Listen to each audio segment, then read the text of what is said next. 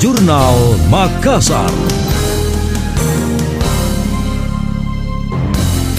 Saya Emil Faris dalam Jurnal Makassar.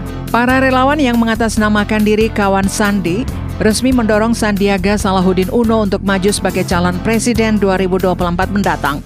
Dukungan tersebut ditunjukkan dengan deklarasi dan aksi sosial yang digelar di Kampung Nelayan Pautere, Kota Makassar, Rabu 15 September 2021. Tokoh masyarakat Makassar, Andri Arif Bulu yang juga relawan mengatakan, Makassar menjadi kota pertama diselenggarakannya deklarasi tersebut. Pihaknya menarget 24 kabupaten kota di Sulsel.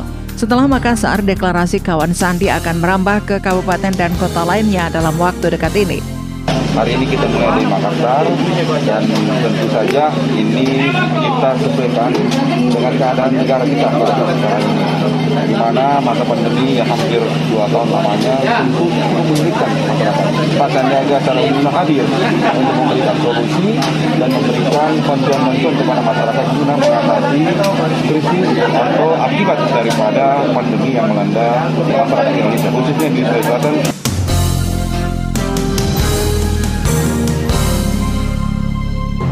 Salah seorang kawan Sandi, Adi Saputra yang ditemui di lokasi mengaku pihaknya sengaja memilih kampung nelayan Pautere sebagai tempat deklarasi karena lokasi tersebut merupakan pusat ekonomi rakyat kecil di Makassar. Lokasi tersebut juga sebagai refleksi kondisi masyarakat yang saat ini kesulitan akibat pandemi COVID-19. Oleh karenanya, masyarakat perlu perubahan lebih baik ke depan. Figur Sandiaga Uno pun dianggap sangat tepat mengemban harapan tersebut. Anda masih mendengarkan Jurnal Makassar dari Radio Smart FM.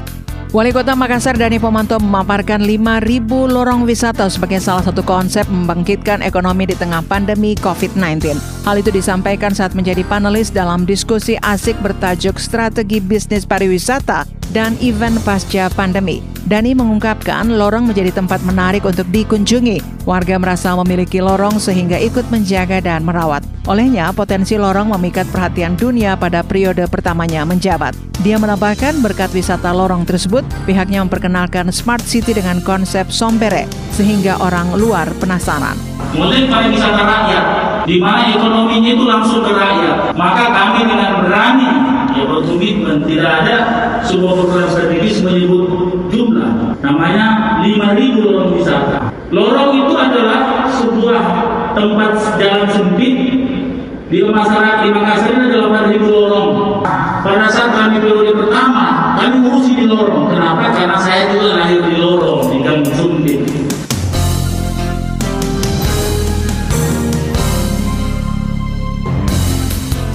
Forum Backstage juga menampilkan Reza Pahlevi dan Fikri El Aziz sebagai panelis, dipandu oleh dua moderator yakni Sofyan Setiawan dan Andre Ginting. Diskusi juga membahas bagaimana perjalanan karir Dani Pomanto membangun kota Makassar.